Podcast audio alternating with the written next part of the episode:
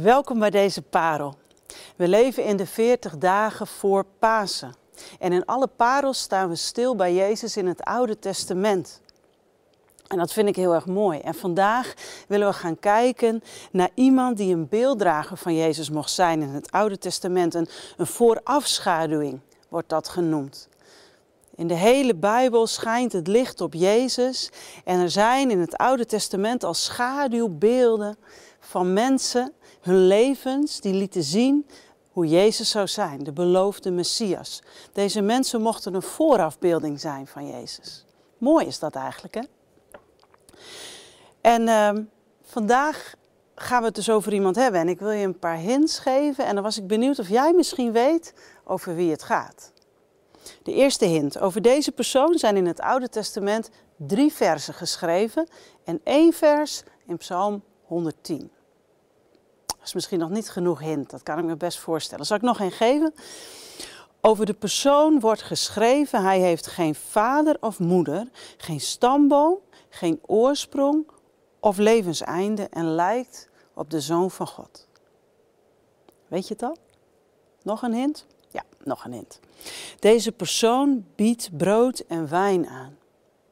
In het Oude Testament. Ken je iemand die dat deed? Hij komt uit Salem. Sterker nog, hij is de koning van Salem. En Salem is de vroegere benaming van het latere Jeruzalem. Nog een hint? Nog een hint. Zijn naam betekent koning van gerechtigheid. En hij wordt priester genoemd, priester van de Allerhoogste. En hij is ook de eerste mens in de Bijbel die God aanroept als God de Allerhoogste. Weet je het? Misschien weet je het niet. Ik kan me best voorstellen dat veel mensen deze persoon niet kennen. En toch vervult hij een belangrijke rol in de brief aan de Hebreeën om te duiden hoe groot de grootsheid van Jezus is als koninklijke hoge priester. Deze man heet Melchizedek. En de drie versen over Melchizedek staan in Genesis. Als we naar Genesis gaan, dan zien we daar Abraham. Abraham heeft gehoord dat zijn neef Lot en zijn gezin zijn weggevoerd in oorlog. En hij besluit om zijn neef Lot en zijn gezin te gaan redden. En Abraham gaat met een klein legertje als een soort Gideons bende met een speciale tactiek op pad. En ze overwinnen. En ze nemen Lot en zijn gezin en alles en iedereen weer mee terug. Missie geslaagd.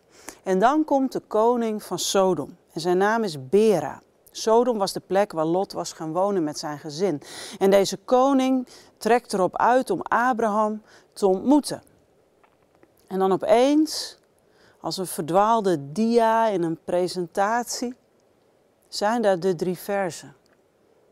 Dan opeens, nog voor het gesprek tussen Bera en Abraham kan starten, is daar de tussenkomst van Melchizedek. Zullen we de drie versen gaan lezen? We gaan naar Genesis 14. En Melchizedek, de koning van Salem, bracht brood en wijn. Hij nu was een priester van God, de Allerhoogste. En hij zegende hem, dat is Abraham. En zij, gezegend zij Abraham, door God de Allerhoogste, de schepper van de hemel en aarde. En geprezen zij God, de Allerhoogste, die uw vijanden in uw macht heeft overgeleverd. En hij, dat is Abraham, gaf hem, dat is Melchizedek, van alles de tiende. Wonderlijk hè? De tussenkomst van een priester zomaar hier op deze plek. Wat gebeurt daar eigenlijk? Het lijkt wel een soort interventie. Ook al is het op het eerste oog ja, ook maar iets heel gewoons. Maar het was niet gewoon, want priesters zijn niet gewoon. Priester zijn is een heel bijzondere, speciale bediening. En wij hebben dat wel eens een beetje uit het oog verloren. Wij hebben dat niet altijd meer scherp, hoe belangrijk priesters zijn. En in het Oude Testament had God priesters aangesteld om het contact tussen hem en zijn volk tot stand te brengen om dat mogelijk te maken. In het Oude Testament waren priesters degene door wie God zijn hartsverlangen werkelijkheid kon laten worden, namelijk contact met zijn volk. En als je kijkt naar een priester, dan is de essentie eigenlijk namens God gaan priesters naar mensen toe. En namens mensen gaan priesters naar God toe. Dat is de essentie van een priester. Om namens God bij mensen te komen en om namens mensen voor God te komen. En dat is wat Melchizedek hier doet. En zijn tussenkomst is belangrijk in het leven van Abraham. En als priester is het eerste wat hij doet, hij biedt brood en wijn aan. Namens God biedt hij Abraham brood en wijn. En het tweede wat hij doet is dat hij hem zegent namens God. En het derde wat hij doet is dat hij God zegent en prijst en eert, omdat God Abraham de overwinning heeft gegeven. En zo zien we hier een priester die precies dat doet wat priesters doen. Namens God komen ze bij mensen en namens mensen komen ze bij God. Melchizedek versterkt het contact tussen Abraham en God. En hij versterkt het geloof van Abraham. En Abraham neemt brood en wijn aan. En hij geeft hem ook die plek om hem te mogen zegenen. Melchizedek mag van Abraham voorop gaan, ook naar God toe. We weten dat omdat Abraham de tiende geeft van alles wat hij heeft aan Melchizedek als een soort respons. Wat er eigenlijk gebeurt is een hele intense ontmoeting over en weer. Melchizedek is een beeld van Jezus. In Hebreeën 5, 6 en vooral ook in Hebreeën 7 lezen we hierover. En ook Psalm 110 linkt Melchizedek aan Jezus. Hij mocht een voorafschaduwing zijn, maar op welke manier dan? Nou, het eerste is dat Melchizedek dus een man is die beschreven wordt als, als tijdloos. Zonder vader, zonder moeder, zonder stamboom. Hij is een priester voor altijd.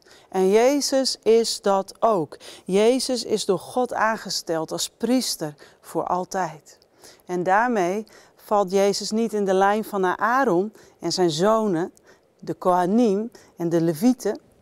Daarmee valt Jezus in de orde van Melchizedek, priester tot in eeuwigheid. En het tweede wat we zien, is dat priesters zoals Aaron en, en zijn zonen moesten ook offeren voor zichzelf als ze kwamen in het heiligdom van God. Maar Jezus hoeft niet te offeren voor zichzelf. Voor Jezus was geen offer nodig om te komen in het heiligdom van God. En daarom is Jezus degene die niet offert voor zichzelf, maar offert voor ons.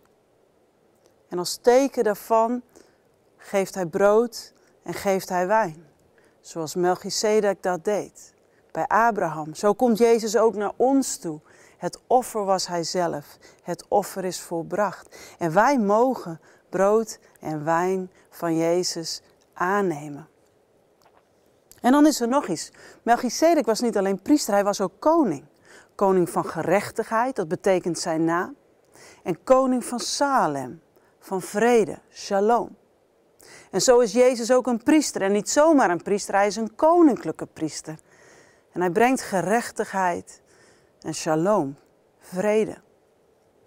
Daarin valt Jezus in de priesterlijke lijn naar de orde van Melchizedek, die een koninklijke priester was, net als Jezus. En als ik daarover nadenk, dan wordt de waardigheid van Jezus alleen maar groter. Hij is koninklijk en priester. Hij brengt gerechtigheid en vrede. Hij komt met brood en wijn. Wat hebben wij, Jezus, nodig? Wat hebben wij de tussenkomst van Jezus nodig? Namens God kwam Hij bij ons. En namens ons brengt Hij ons bij God. Jezus komt met brood en wijn en hij zegt, je hebt mijn offer nodig. Want de tabernakel en de tempel waar de priesters dienden, was ook een voorafschaduwing. Dat was niet het echte heiligdom.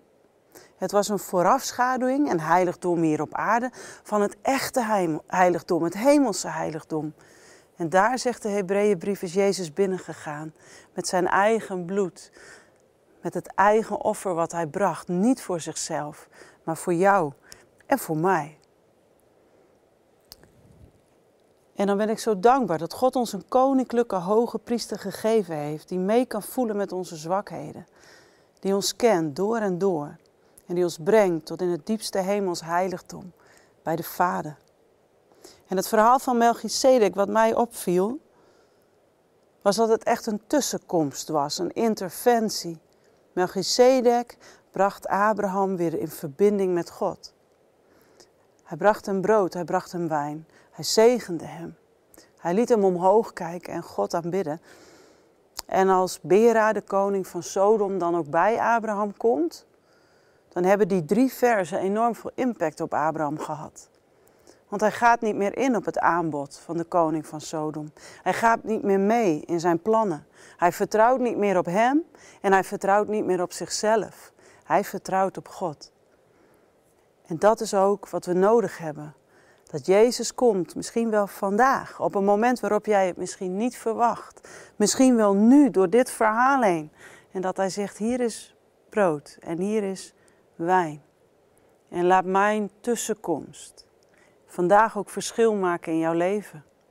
Dat je misschien hierna iets anders doet dan je van oorsprong van plan was. Of dat je misschien iets anders bedenkt dan wat je eerst dacht.